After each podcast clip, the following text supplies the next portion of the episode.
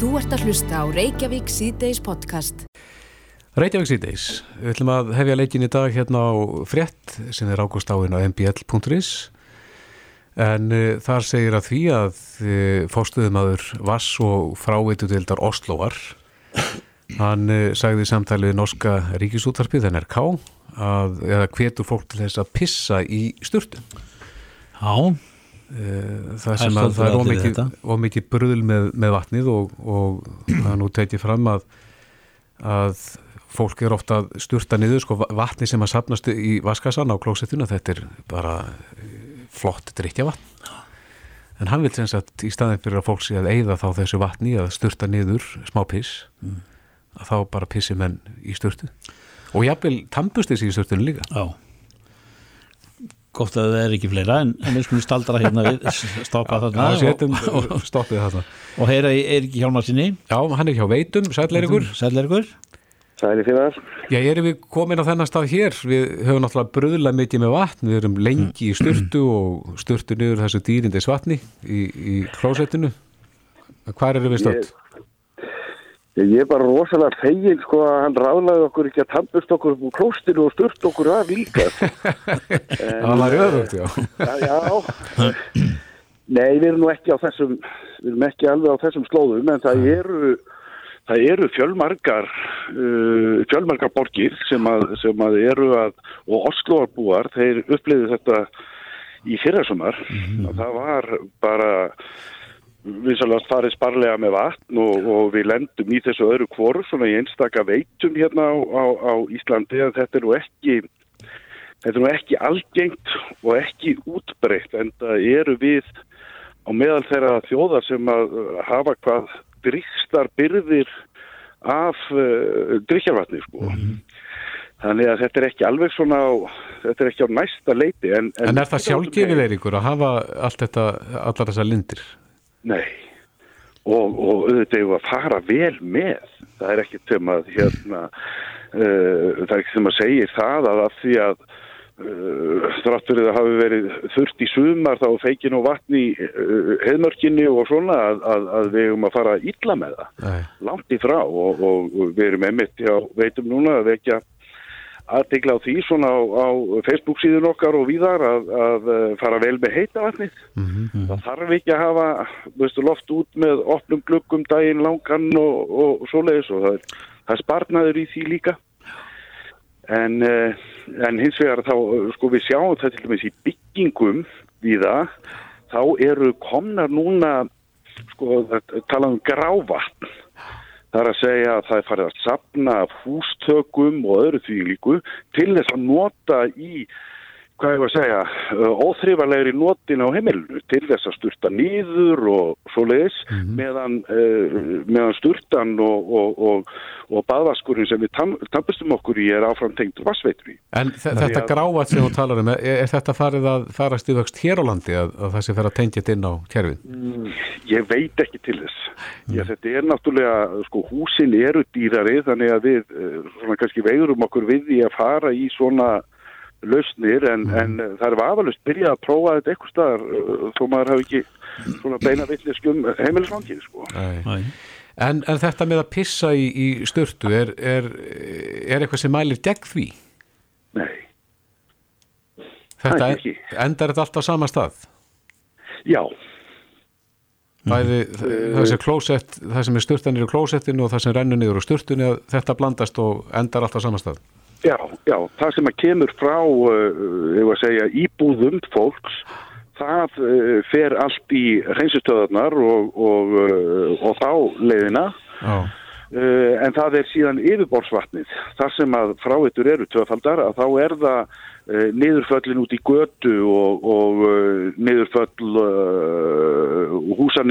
og, og svoleiðis, það fer þá í, í, í sérstakann ströym og, og við þurfum ekki að vera þurfum ekki að vera að setja það í gegnum rándýrar hreinsistöðar sko.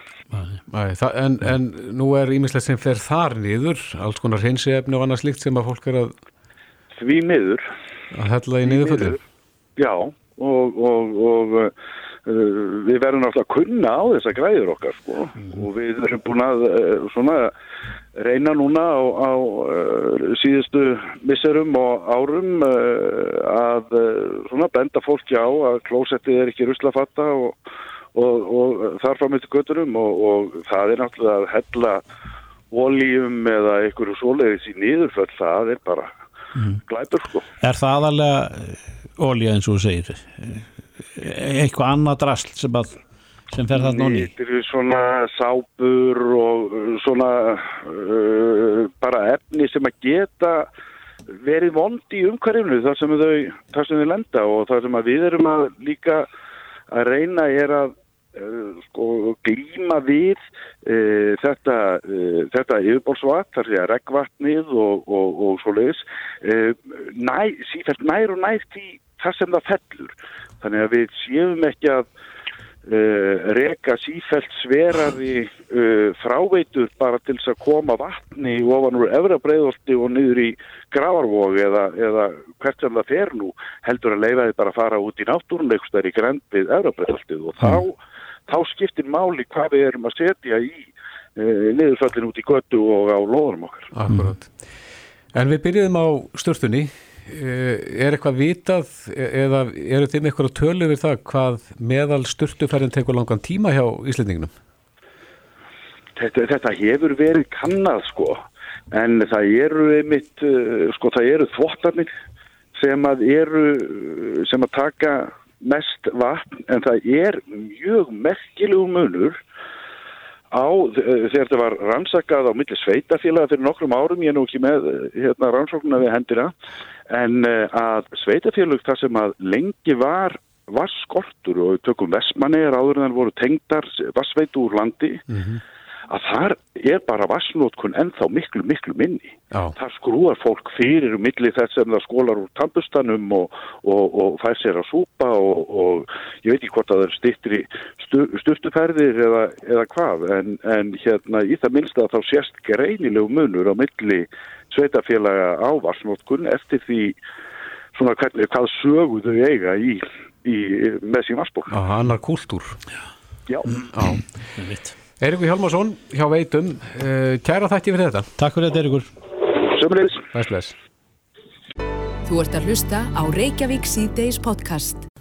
Það er tilfinning fyrir ekkar en eh, eitthvað átræðanlegt og þó að, að svona maður tekur eftir því að þingmenn eða ráðamenn eiga erfitt með að fá upplýsingar um eitthvað og var það nú tíundað í, í, í, í þáttum ímsum undarfarna vikur en Vilhelmur Byrkisson skrifar einmitt um, um það að það er ekki hægt að fá upplýsingar um það hvað það eh, hefur lagt sig útlagt sig í reiknishaldi landsvirkjunar að kanna möguleik á sæstreng.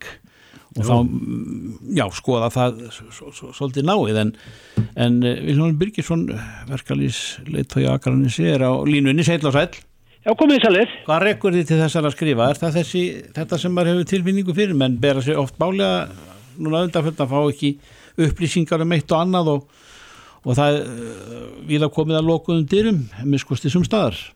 Já, það eru nokkru þættir sem að sáum mig, eða gerði mig núin til þess að skrifa þetta síðan skrifaði núna fyrir nokkru dögu síðan.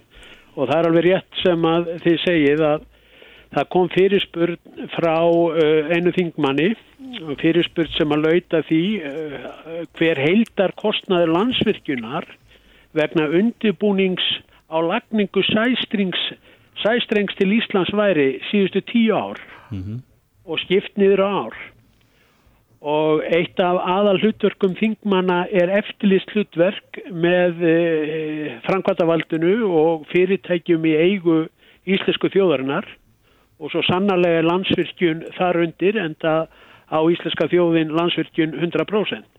Á ótrúlegan hátt að þá svarar landsvirkjun með þeim hætti að þeir e, geti ekki svara þessari spurningu sögum ákvaða í, og vísa í, í upplýsingalög og þeir segja að það sé ekkert að svara þessari spurningu vegna þess að þessar upplýsingar séu viðskiptalegs eðlis. Oh.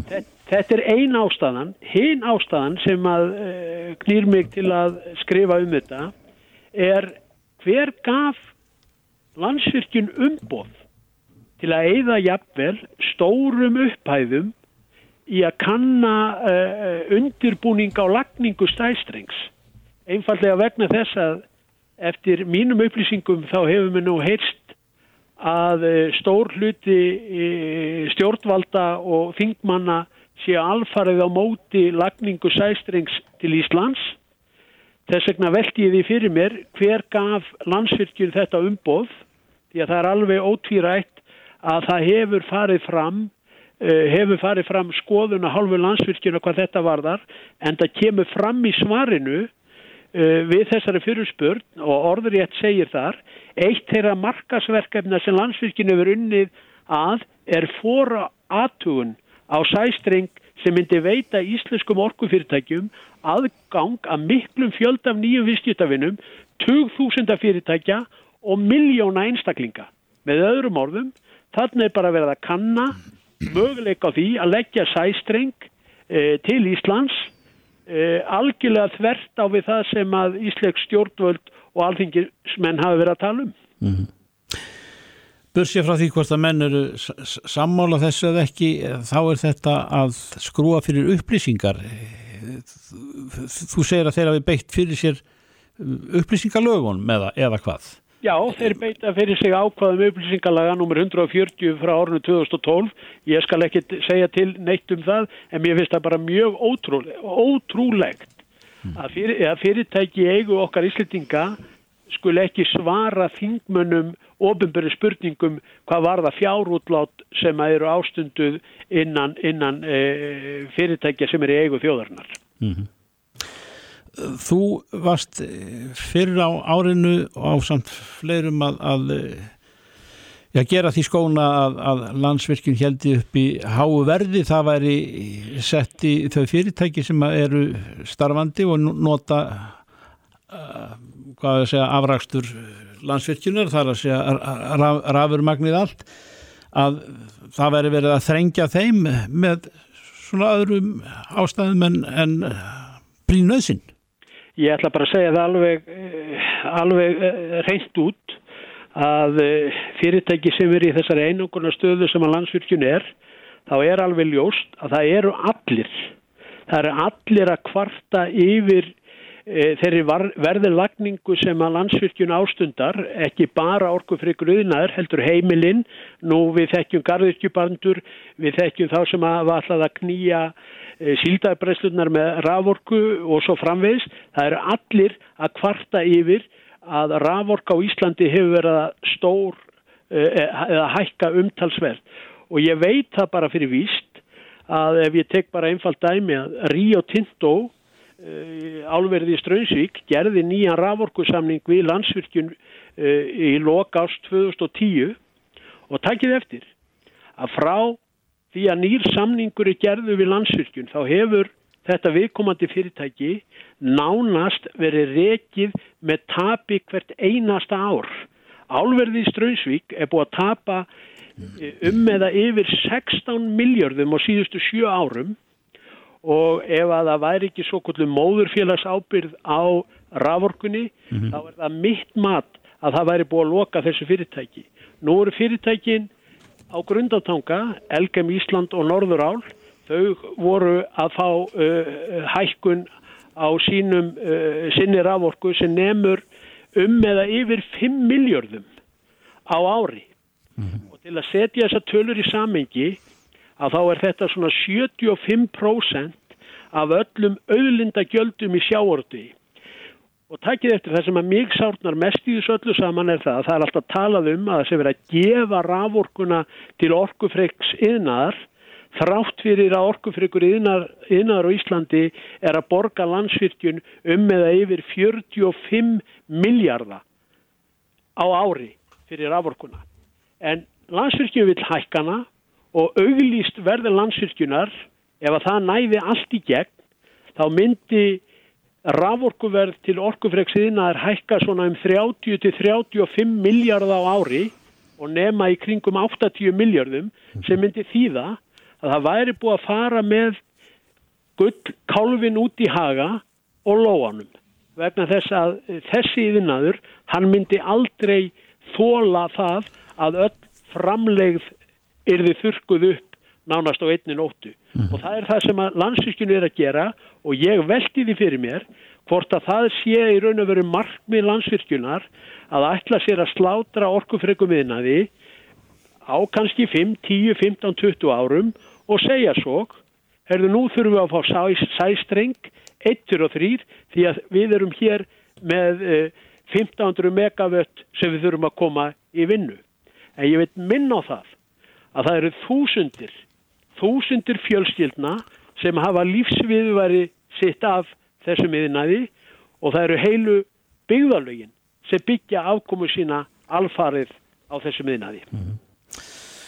Viljáman Birgisson, þessi málu eru margslungin en, en eh, þetta sem þú ert að segja það ber alltaf sama brunni það þarf að, eh, að svifta hulu af þessu, það þarf að vera umræða um þetta fyrir opnum tjöldum það þarf að vera umræða og takið eftir það sem að ég er að tala um. Ég er að ganga erinda minna félagsmanna. Ég er að ganga erinda þeirra sem hafa lífsviðuvari sitt af því að uh, vinna hjá þessum fyrirtækjum Mér er slétt sama um eigundur þessara fyrirtækja en ég hef áhyggjur af því að landsvirkjun sé að ógna atvinnuriki og lífsviðverði þeirra sem að, uh, er að vinna hjá, hjá þessum fyrirtækjum. Og við þurfum sem þjóð að ákveða það hvernig nýtu við okkar auðlindir. Jafti sjávar og sveita, fiskin, rafurkuna og landið okkar. Mitt mat er klárt. Við höfum að nýta okkar auðlindir til atvinnusköpunar okkar fólki til heilla og samfélagunum sem að, sem að hafa hagsmunni þar undir. Viljama Birgisson, einmitt að ræða þetta meir og síðar kæra þakki fyrir þetta. Sjömmulegist, dagar, takk, takk. Og... Reykjavík síðdeis á Bilginni podcast. Jæja, Reykjavík síðdeis heldur áfram, við ætlum að þess að snú okkur að heilsunni og ekki bara einhverju heilsu, það er vegan heilsan. Já, já, það er það er stöður aldurgangur í þessum geira þjóðlýsins og það er bara gott. Eftir morgun heldur inn verður ráðstefna mm -hmm. sem að ber þetta heiti vegan hilsa. Hvaða áhrif hefur vegan mataræð á hilsu? Eh, þessi ráðstefna fyrir fram í hörpu og þarna verður fjöldin allar af fyrirlesurum, bæði innlendum og erlendum. En einn af þessum innlendu eh, fyrirlesurum verður Beggi Ólafs, Bergsveitn Ólafsson íþróttamaður sem er á línunni, kom til Sælbæki Já, góðan og blessaðan, hvað segir ég? Við erum bara brattir, en hvað okay. segir þú? Þú ætlar að ræða þarna eh, pl plöntu fæði sem að þú snýrið þér alfarið aðeins þetta fyrir fjórum árun síðan Jú, algjörlega, ég hérna ætla að ræða í rauninni fyrirlesturinn heitir íþróttamaður sem ætla aldrei að hætta bara kjött Já og ég rauninni tók ég þessa, já, fyrir rúmlega fjórum árun þá hvað ég að prófa sem, -hmm. sem íþjóttamæður og að ég vildi gera allt til að ná einhvern fórskóti og aðra einstaklinga í íþjóttinni og, og tilbæðan til að skoða. Varst í fókbóltanum? Já, ég er ennþá í fókbóltanum og, og var þá líka mikið og stemd þess að út í, í aðtunumönskuna og vildi mm. gera allt sem í mínu valdi væri hægt að, að, hérna, að ná frekari árangur í þessum og ég sá á mörgustöðum að þetta geti, sem spröntifæði geti aukið endurimt og orka útalt svo ég ákvaða að prófa það í mánuð og hef ekki snúið allavega en, en er þetta algeng hugsun hjá íþróttamönnum að, að þeir verði að, að borða kjöt til þess að ná árangri? Já, ég held að það sé eh, bara eh, nokkur neginn stimplaðinn í, í flesta að annars er þetta sem við rýðum sko.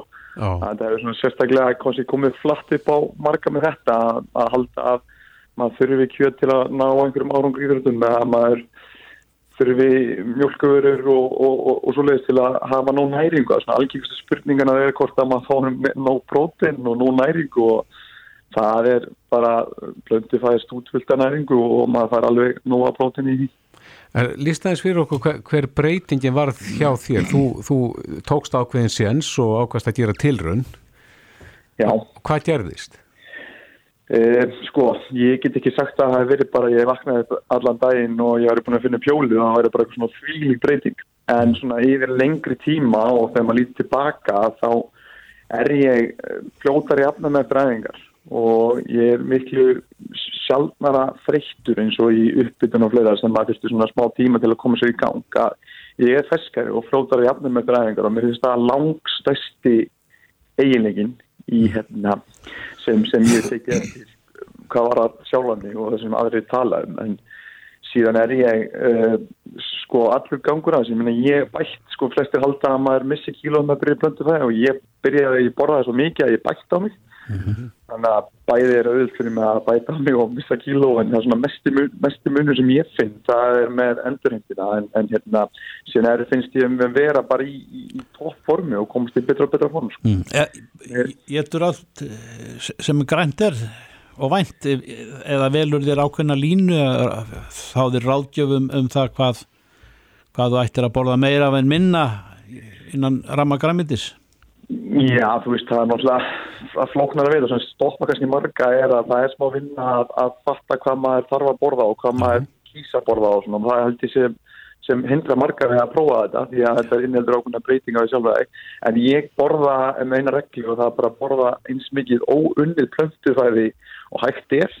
En hvað er óunnið, það er bara það sem er ekki búið að bæta neinu neinu hérna, sem þarf ekki að vera í því mm -hmm. og ekki búið að taka neitt svona úr því sem svona breytir samsendingu á matnum og það eru bara, þú veist, eins og gremmiti og áherstir í reyna gremmiti í reyna að borða rosalega mikið af því en síðan er maður í áherstunum og bönunum og, og hérna, mikið í netum og fræjum og þar kemur svona orkan og, og hérna og prótinu og svona mm -hmm. og gremmitinu farið vítamínu og steininu og allt þetta og ég reyna, þetta er svona regla mín sko, ef, grænt, ef við líkjum þessu umfyrarljós sko, þá er, er grænt ljós að hafa það bara óunni blöndumatur, gullljós er svona smáunni blöndumatur sem er svona, og bæti ykkur píni og rauktljós, það er bara svona unnið stæmi, þú veist, eins og þú veist, snakk og nammi og svona, ég bara, ég fæ mér það bara ekki sko. Nei, ja, þú sagðist að það var bætt aðeins á því, var, var það í formi fytu eða vöðamassa? Eh, sko, eh, það var ekkert svona ég, sko, sko, ég hef bæði sko, það var bara fyrst ég byrjaði, sko, þegar fólk heldur ofta að maður letti svo mikið á þessu, þess vegna mhm. var ég eða þingti sem 2 kíló þegar ég borðaði svo mikið, oh. en á, á þessu skeiði sem ég bara bara plöndur, þá hef ég og ég mjög auðveld með að þingjast og léttast, ég hef verið allt frá 85 kíló og niður í 75 á þessu tímubili og það fer nánast bara, þú veist, þetta er bara spurningum að borða nóga kaloríum í takt við þín markni, sko, hvort þú vill leta þig að þingjast eða bæta þig vöðum eða minka vöða eða minka fyttu og þannig að ég held að maður þurfi ekkert kjöp eða mjölkuður til þess. Nei, það er margir sem á óttast aðeins mitt að, að missa vöðamassan við það að fara yfir í plöntufæði. Algjörlega, því það hefur kannski verið þessi og sko, við náttúrulega leggjum kannski ómikla áherslu á þessa prótunindöku þar sem við þurfum, þurfum miklu minna prótun heldur við höldum en líka það að það sé ekki prótun í plöntu að það sé erfiðar að fá það. Auðvitað er létt að grípa bara með sér skýrdós og, og vera bara í kjötinu og það er náttúrulega að fara nóg prótun í því. En það er nóg prótun í plöntufæði og, og plöntufæði inni heldur allar þessar nöðsjölu annars sem við þurfum sem, sem mynda upp prótinu þannig að það þarf bara aðeins að eh, afla sér smá heimilda og upplýsinga um þetta en ég held að við leggjum allt og miklu áherslu á prótinindug og eitthvað frekar miklu frekar að vera einbit ykkur á að einbira meiri trefjar til dæmis sem, sem hérna, það fæst einungis í plöndrugin. En, en heilsan og svona líðanin, eh, líður betur eftir að þú fóst á, á þetta plöndufæði?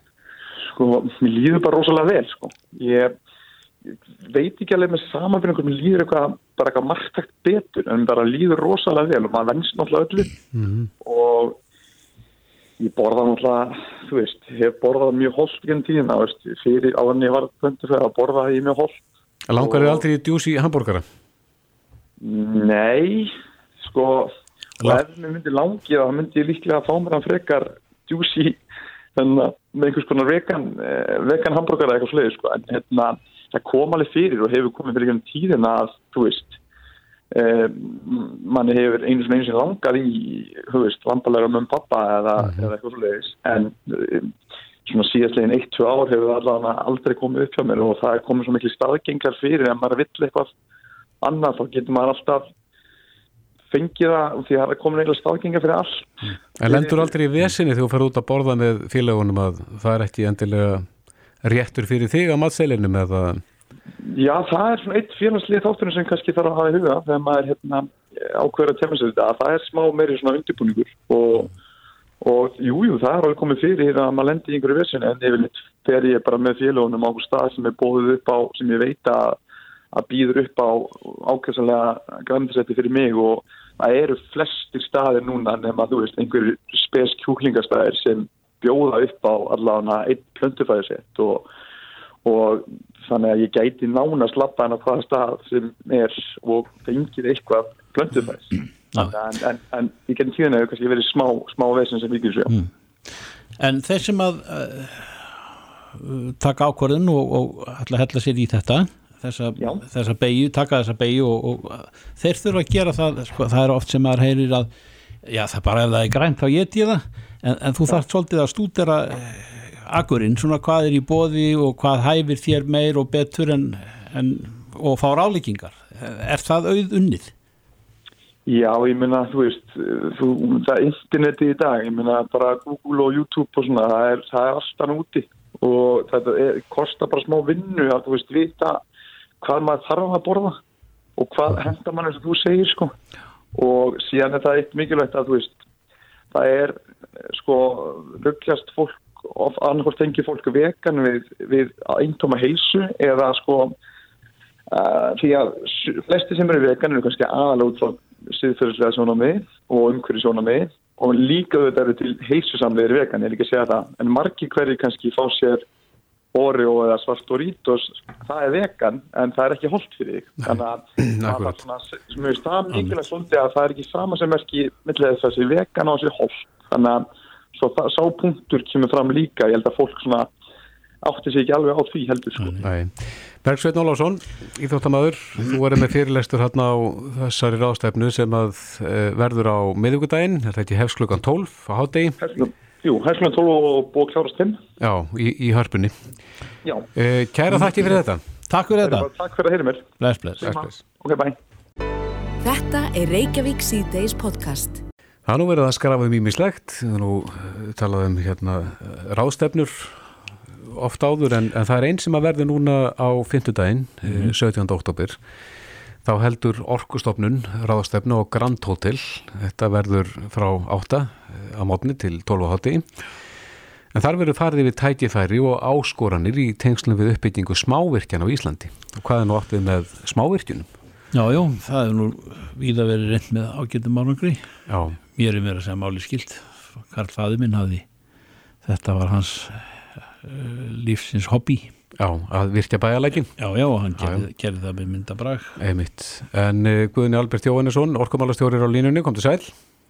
Já, komið sér vil Sælgunni Hvar, hvar liggur hérna rittja mörkin á smávirkjunum? Já, það má nú segja að það eru svona ímest mörk sem að menn hafa gefið sér í því sambandi. Þá til dæmis að eh, virkjanir sem ekki þurfa að færi ramma áallun það eru undir 10 megavöttum svo eru virkjanir sem að eru undir ákveðinu mörgum sem að ekki þurfa sérstök leifi og svo framvegis þannig að, þetta eru svona, er svona nokkur mörg en yfirleitt er við að tala um kannski svona uh, virkjanir af starraðgráðinni uh, svona 100 kilowatt til uh, 1 megawatt eða eitthvað svo leiðis, þetta er um að tala um smá virkjanir. Mega allir virkja og, og selja inn á kjærfið? Nei, ekki, ekki án þess að hafa til, til þess tilkynning leiði sem ef maður er náttúrulega að selja inn á kerfi þá verður maður að hafa virkjana leiði frá orkustofnun og, og síðan eftir aðaukun þurfa þeirra að sækja mannur leiði eins og, eins og uh, tilkynna þetta til skipulastofnunar mm -hmm. uh, og alls konar rask á, á, á, á vötnum þurfa þetta sérstök leiði mm. uh, þurfa tilkynna til orkustofnunar og geta þurft sérstök leiði á þess að framvegis en Þannig að þetta er svona, þetta er svona nokkur leifir sem þarf en, en það er allir sem geta þetta sótt um þetta og, og, og, og reynt fyrir sér með þetta. Mm. Af, af hverju er, er samkvæmt ramma allir segir 10 megawatt? Er, er, það, er það ekki svona sæmilega stór smáverkjun? Jó, það myndur nú kannski ekki kallast alveg smávirkjun ef það er 10 megawatt virkjun og það er nokkra svo leið sem eru svona undir þessum mörgum sem er í byggingu en uh, auðvitað það sem skiptir máli hérna er að, að afkvæmslega rammaállanar hefur gengið seint og, og það eru reyndar ekkit margir kostir sem sagt í síðast áfanga rammaállanar sem að, að leggjast til uh, við botar þannig að uh, í nýtingu mm. þannig að, að það er auðvitað að fara að þrengjast sem sagt mikið um möguleika til þess að virkja og, og, og þess vegna er má segja kannski orðin meiri ásókn í þessa minni virkinakosti. Já, e, eru þið með þessar rástefnu að hvetja landeigundur til þess að, að virkja bæjarlækin? Já, við, við höfum sett bæði og þetta er auðvitað að undirlagi sem sagt okkar ráðuneytis, atvinnum nýskupunar ráðuneytis sem að styrkir þessa starfsemi þar sem að, að við höfum sagt ákveðina möguleika til að geta aðstóðað þá sem að, að vilja fara átt í þetta og þá er það fyrst og fremst að reyna að gera sig grein fyrir því hvað e, mikið varsmagn og fallæð og annað sem að menn þurfa að, að vita til þess að, að geta, geta sagt, e, þá gert fyrstu draugavirkjunu, sér hvað mikið aflir geta tekið út og, og svo framvegs þannig að að svona þessi, það sem við gerum er að hvetja menn og styrkja í þessum fyrsta undirbúningi. Mm.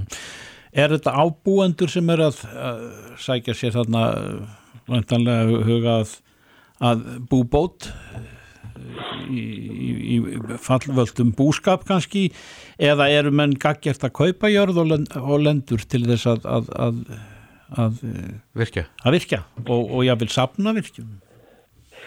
Nei, ég hef nú ekki orðið var við það. Ég held að sko það hafa komið upp ymsar sögursegnir um þetta í kringum umræðinu þriði orkupakkana. Hér væri mann kannski að reyna að leggja undir sig mikið einslækir aðilega verið að sapna saman þessum uh, virkjana möguleikum og hugsanlega í einhverjum tilgangi en, en, uh, en langmest eru þetta landegjöndur og samstarfs aðilar þeirra því að það eru þetta landegjöndur sem eiga virkjana réttin mm -hmm. og, og þetta e, má segja að þeir fara út í stærri virkjana framkvæmdir eh, þá, þá er þetta þannig að það er ekki ódýrt að virkja. Það, það, það kostar kannski e, fjórar-fimm miljónir dollar að, að virkja hvert megavatt af raforku.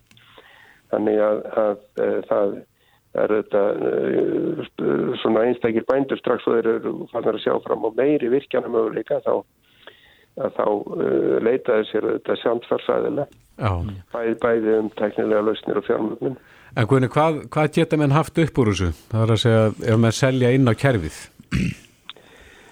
Já, ef að sagt, að það er að finna virkjana möguleika sem að það sem hægt er að, að virkja fyrir sagt, uh, sko, uh, með hafkvæm hætti mm -hmm. að, að þá má segja að bændur sem að er að gera þetta á sínu jörðum, þeir eru þetta með sín verkfæri og kannski sitta í handabl og, og annað þannig að þeir geta kannski komist á útýrar frá því að virkja heldur en ef að all vinna er kipt sem sagt annar stað frá.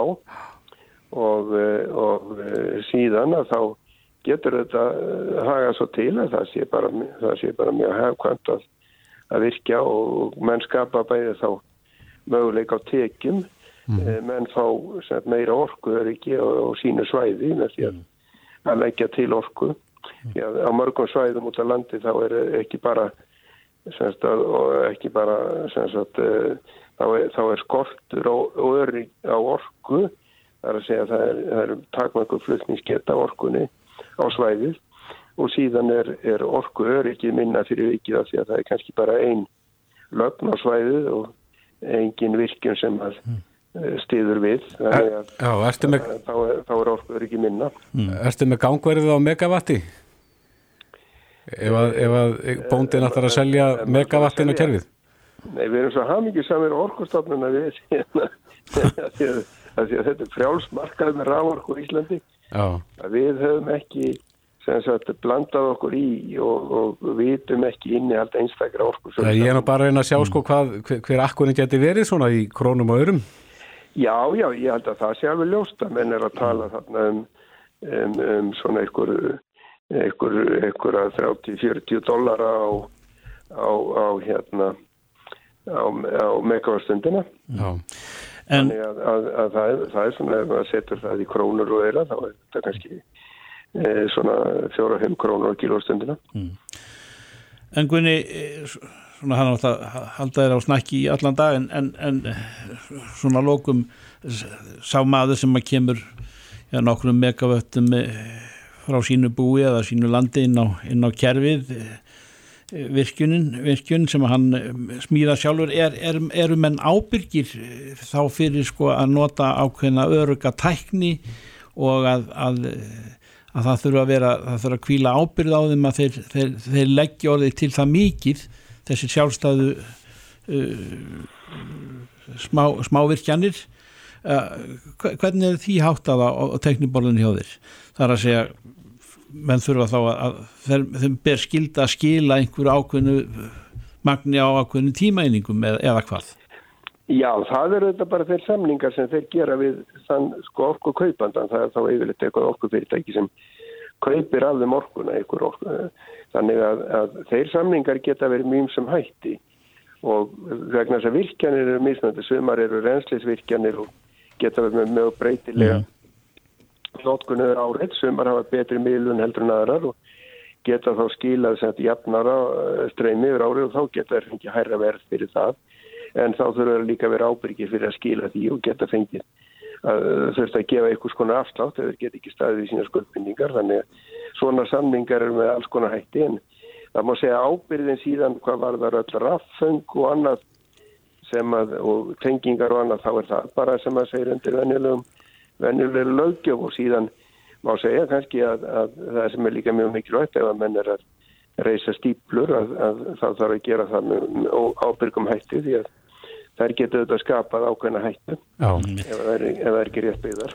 Guðni Albert Jóhannesson, orkumálastjóri, kæra þakki fyrir þetta. Þessi rástefna verður uh, sem sagt á 5. daginn, 17. oktober, uh, byrja klukkan 8 og þú ætlar að setja rástefnuna klukkan hálf 9. Já, já, við bara vonum til að sjá sem flesta glada smávirkjunar aðila sem við koma og vilja fá fagna með okkur. Já, takk fyrir þetta. Takk, takk. Takk fyrir. Bless, Hlustaðu hvena sem er á Reykjavík C-Days podcast. Já, eins og ég sagði ykkur frá áðan félagar, þá uh, stjelti ég mér í gær með fjölskylduna í, í Fly over Iceland. Þú ert ekki lendur, við erum orðið um varðið við það. Já, ég er bara maður þegar bara sko skýi út vegna þess að þetta er svo ótrúlega upplifun og, og ég bara hvet fólk til þess að, að prófa þetta. Mm -hmm. En uh, þarna fyllist maður náttúrulega stolt yfir þessari gríðarlega fallegu náttúru mm -hmm og svo bara þessi tilfinning að fljúa er það ekki bara það sem að svona flesti sækjast í að geta flóið Mitt. en e, á línunni er eh, Agnes Gunnarsdóttir, hún er frangvæntastjóri Flyover Æsland, kom til sæl. Sæl. Já, heilur og sælir, gaman að heyra ykkur. Söfulegis, hvernig hafa móttökurna verið? Þetta er nú ekkert ítja gamalt fyrir bæri Nei, við opnum nú bara fyrir 5-6 vikum síðan og, og móttökurna hafa verið múnum framar. Við erum mm. búin að taka móti um 30.000 manns. Já, og hver er skiptingin á, á Íslendingar ferðamenn eða lendi ferðamenn? Íslendingar er nú svona um helmingumanna sem Já. er að koma til okkar sem er akkur eins og búin að í rauninni að setja upp. Það eru mhm. bestu sendir okkarnar þannig að það, þeir hafa tekið svo mjög vel og Já. mæla með þessari síningu við aðra. Hver, hver, hver er kveikjan að þessu þar að segja hvert sækir í fyrirmynd ef að hún er og, og er þetta og þessi tækni? Við sækjum þessa fyrirmynd þetta er sérstaklega alþjóðlegt vörumerki sem heitir Flyover mm -hmm. og það var sérstaklega uh, búið að opna sérstaklega Flyover Canada og Flyover America og þetta er sérstaklega blanda eignarhalda ræða sem eiga þessa, þetta fyrirtæki og það eru Íslandingar og ellendur aðalar og mhm. þessi ellendur aðalar komið þessa þekkingu til, til Íslands. Já, já. Og við erum að líka fara að opna flyover Las Vegas og flyover Toronto. Þannig að þetta koncept hefur alveg slegið mjög mikið í gegn um, um allan heim. Mm. Er, er þetta, þetta svo kallar sjövítarbíó? Nei, þetta er í rauninni, þetta er átta, þetta er sérst í 8K, þetta er mjög mikill háskerfur upplaust og þú færður þetta eins og, þú myndir skera appið sinni tvett mm -hmm. og það er tjaldi sem eru um 20 metra hátt og 20 metra breytt og þú færð inn í jaffisuna í sætum og svo svífur eins og fugglum fljóndi yfir Íslands landslæg. Já, og farið þetta ferðið gegnum stíin, þú finnur svona svolítið gustin af stíunum og, og úðan fara fósónum. Akkur, það verður að rauna að virkja öll skilningsvitin. Já, og líktinn úr sveitinni. Jó, akkurat. Nómkala. Þessu hefur verið vel tekið, það farið ekki allir stjálbrósand út? Jú, það má nú segja og fólk bara tárast og er svo stolt af landinu. Já. og þannig að þú getur séð Íslandi eftir 80 mínutum og ég get sagt það fyrir mína part að ég held ég að vera búin að sjá allt Ísland bæðið að fara höstum hlaupandi eða gangandi en þú sér bara Ísland frá allt öðru sjónahorni og fólk sem eru farið í svona teirluferði þau tala líka um það þetta er miklu betra að horfa þetta á þarna Þetta er bara eins og að vera með fætunar hangandi út úr þillinni þá Já, það má þú segja. Má miklum hraða. Og engar, á, og engar áhugir á veðri eða neinu slíku? Nei, þetta heldur mjög vel í það. Það er, það er aldrei að kansila hérna túrum út af veðri. Nei, en það eru svolítið þjætta síningar hjá okkur ekki, þið eru að sína á, á kortesfresti yfir allan daginn. Jú, við erum að taka 40 manns einu á kortesfresti og það er opið frá 9 til 9 þannig að það er fólk þarf að panta alltaf á, á heimasíðinu eða koma en ég mælu með að fólk panti bara heimasíðinu til þess að fá e, réttan tíma og þetta dagsingu Já Og það er, það er allir í fremstu röð, þar að segja það er enginn sem setur í, sko, sætunni fyrir aftan eða á þriðja bekk. Þetta er allt á fremsta bekk. Þetta er allt á fremsta bekk. Þetta er á tveimur hæðum mm -hmm. og hérna ég prófaði öll sætin í, í hérna, síningunni sjálfur og það er bara hvert einasta sæti bara mjög gott. En það er semst enginn munur á því hvort þú setur uppi eða niður í? Nei, þetta er alveg magnað. Fólki finnst það bara breytir yngu. Nei. Er möguleik á að bæta inn síningum eða sín eitthvað annað? Í raunni tók þessi síning og takan, þetta voru 100 klukkustundir í þyrlu og mm. maðurinn sem að leikstýri þessu heitir Rick Rossell og hann var sérst aftarekturinn okkar og, og settu upp síninguna Soren eða eitthvað kannastu það í Walt Disney og vann það í 30 ár mm -hmm.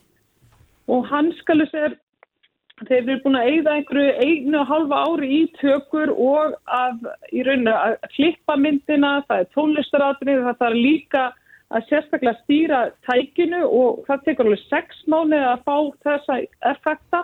Þannig að það er ekkert verið að fara að breyta myndir alveg strax en það getur vel verið að við setjum inn aðra myndir eins og Flyover Canada, Flyover uh, South America eða eitthvað slíkt í framtíðinni. Já, já. Já, það þarf náttúrulega að stilla saman sæti og mynd. Já. Á, já.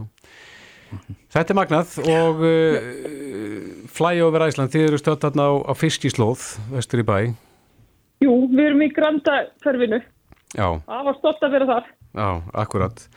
Agnes Gunnarsdóttir, Frankvartastjóri Flyover Æsland. Kæra þakki fyrir spjallið. Takk fyrir þetta. Já, og þakka ykkur fyrir og velkomnir. Takk, takk. Bless, bless. Já, bless. Þú ert að hlusta á Reykjavík C-Days podcast. Reykjavík síðdeis, uh, skortirafræðingar, þeir eru uh, af skortnuskamti, við höfum nú oft rætt við Erling Ólásson, góða vinn okkar, sem hefur enda kvartað við því að, að uh, hann þarf að láta störfum núna, setna þessu ári. Já, já, í fullu fjöri. Emitt. En hann hefur verið að, að þjálfa artaka sinn, sem að er emitt á línunni, hann Mattias Alfredsson, skortirafræðingur, kom til sæl. Sæl, sælir. Herðu, ég sendi á þig grein og ætlum aðeins að fá að ræða við þig um þetta er þetta grein sem að byrtist fyrir í sumar Já. en uh, fyrirsögnum segir að, að bíflugur hafi verið valdar mikilvægustu lífverur jarðarinnar. Já. Þetta er hansi stór fullering. Þetta er mjög stór fullering. Tekur undir það? Nei, ég get ekki verið samanlösu. Ég get ekki tekið undir, undir það að bíflugur séu mikilvægustu lífverur jarðar. Nei.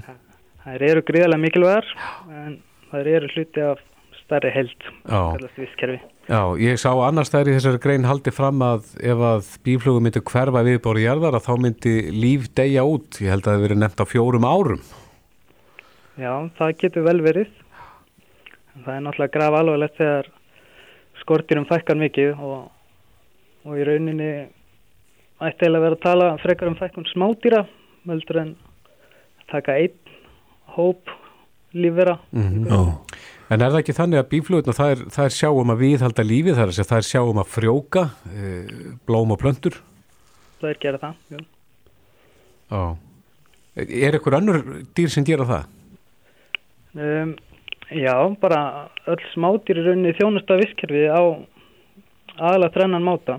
Þau eru fæða fyrir önnur dýr, mm -hmm. skortýr, fuggla og fiska og við þurfum þá til að lifa af.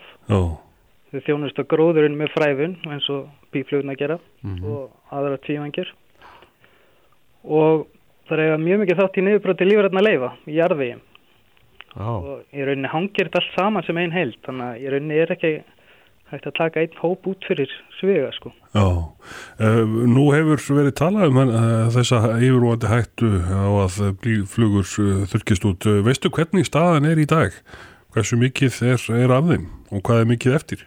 Ég verði nú viðkjöna það að eftir að lesa þessa greina þá ætti ég mikið alveg á hvort það sé verið að tala um hunangsbíð eða bara bíflugur almennt en það hefur náttúrulega verið mikið vesen með hunangsbíð þannig að verið að drefast og ekki síst vegna, vegna hérna, eitrunar. Mm -hmm. Það er nú þannig að óhefmi mikið landi lagt undir kortrækt og til dæmis pálmaræktin og til þess að gera þetta þá þurfum við að fella skóa í stórum stíl síðan berum við ábyrð á agrana og, og gjör byltum efnasamsetningu jærveiksins mm -hmm. og á þetta þá eitrum við. Þannig að þetta er alveg skjálfilegt fyrir smátýrið. Er, er þetta bara glóbalt, þar að segja yfir allar, allan heiminn eða? Já, hérna á Íslandi finnum við ekki fyrir þessu. Við erum í einangru kerfi hérna á Íslandi og, og í rauninni hefur tegundum verið að fjölga hérlandi, mm -hmm. allan að síðast leginn áratug. Þannig að... En það eru bíbændur hérna á Íslandi sem að gera sitt til þess að viðhalda þessu og En, en ég rakst nú eitt bíbónda um daginn sem að saði mér að það nú ekki komin einn svona bíflugna tegund þar að segja hunangsbíflugur sem að, sem að lifa vildar í náttúrunni. Nei, eh, ekki hunangsbí, nei. Nei. Nei, við erum með humlurnar en þetta er hunangsbí. Já, já. Nú hafið þið báðir lesið þessa grein uh, og uh, komingstað fram uh, hvar í rauðinni maðurinn er og listaði verið mikilvægustu lífurur jarðarinnar. Ég held að hann væri nú bara síst mikilvægustur sko. Já, já. það ekki. Ah, Þannig að jörðið myndi spjara sér ágætlega á mannsins. Já, já. Skortirinn er eftir að lifa okkur af. Já, já. Það er alveg klart. Mm -hmm. En það þarf að síga á setni hlutan á þessu sumri. Hafið þið þjá náttúruhæðstofnun orðið varið við einhverja nýbúa? einhverja nýbúa uh, nei. Uh, það kom eitt fyrildi hérna í kjósina, nýtt fyrildi en, en það var líklega bara komið innfluttur í plöntu. Já. Eru stóru fyririldin eins og kongafyririldin þau hafa ekkert uh, sérst hérna þau eru farin að skjóta rótum? Nei, ekki skjóta rótum en það kom stór sending núna aðmirjálsfyririldum og þýstilfyririldum Já skrautiglum og hérna gardiglum Kemur þetta með einhvern sendingum? Já, já, kemur með vindum bara, sögulegum vindum Já, já, já. já. En, en það er ná ekki þess að tegundir að, að stjóta rótum hér eða festa sér í sessi? Nei, ekki enn sem komið er allavega Já en, Já, svo er eitt sem við hefum spurt eh, Elling Órásson út í öll þessi ár og hann hefur klórað sér í höfðun yfir, það er að hverju moskítoflugur er ekki konan til Íslands en nú las ég bara nýveri í fréttum að þetta sé bara tímaspörsmól. Já. Hvenar heldur að þær verði mættar? Ég bara verði nú vikið um það að ég leita að þeim að hverju sumri. Já. Og hérna er bara að býða eftir þeim. Já. Já, já, það er ekkert að geta spjara sér ákveðlega hér á landi. Já, ég trú ekki öðru. Já, já, já. Er, þeir fylgist með, það, það er ekkert má skýta og komið þess að gildurur ykkar? Nei, ekki neitt. Nei. Er, er það sérkennilegt? Ég raun ekki sérkennilegt. Það er mjög örut fyrir moskítu að börjast til landsins með vindum. Þannig að það væri einna helst með einhverjum vöruflutningum. Já. Heldur að moskítuflugur eru jafn uh, mikil skafvaldur hér á landi eins og það eru viða í svona vanþróaðri löndum? Ég bara þór ekki að tjá mig um það. Við miður. Mattias Alfredsson, skortirafræðingur hjá Náttúrufræðistofnun Íslands. Kæra þakki fyrir spjallið. Bless, bless. Hlustaðu hvena sem er á Reykjavík C-Days podcast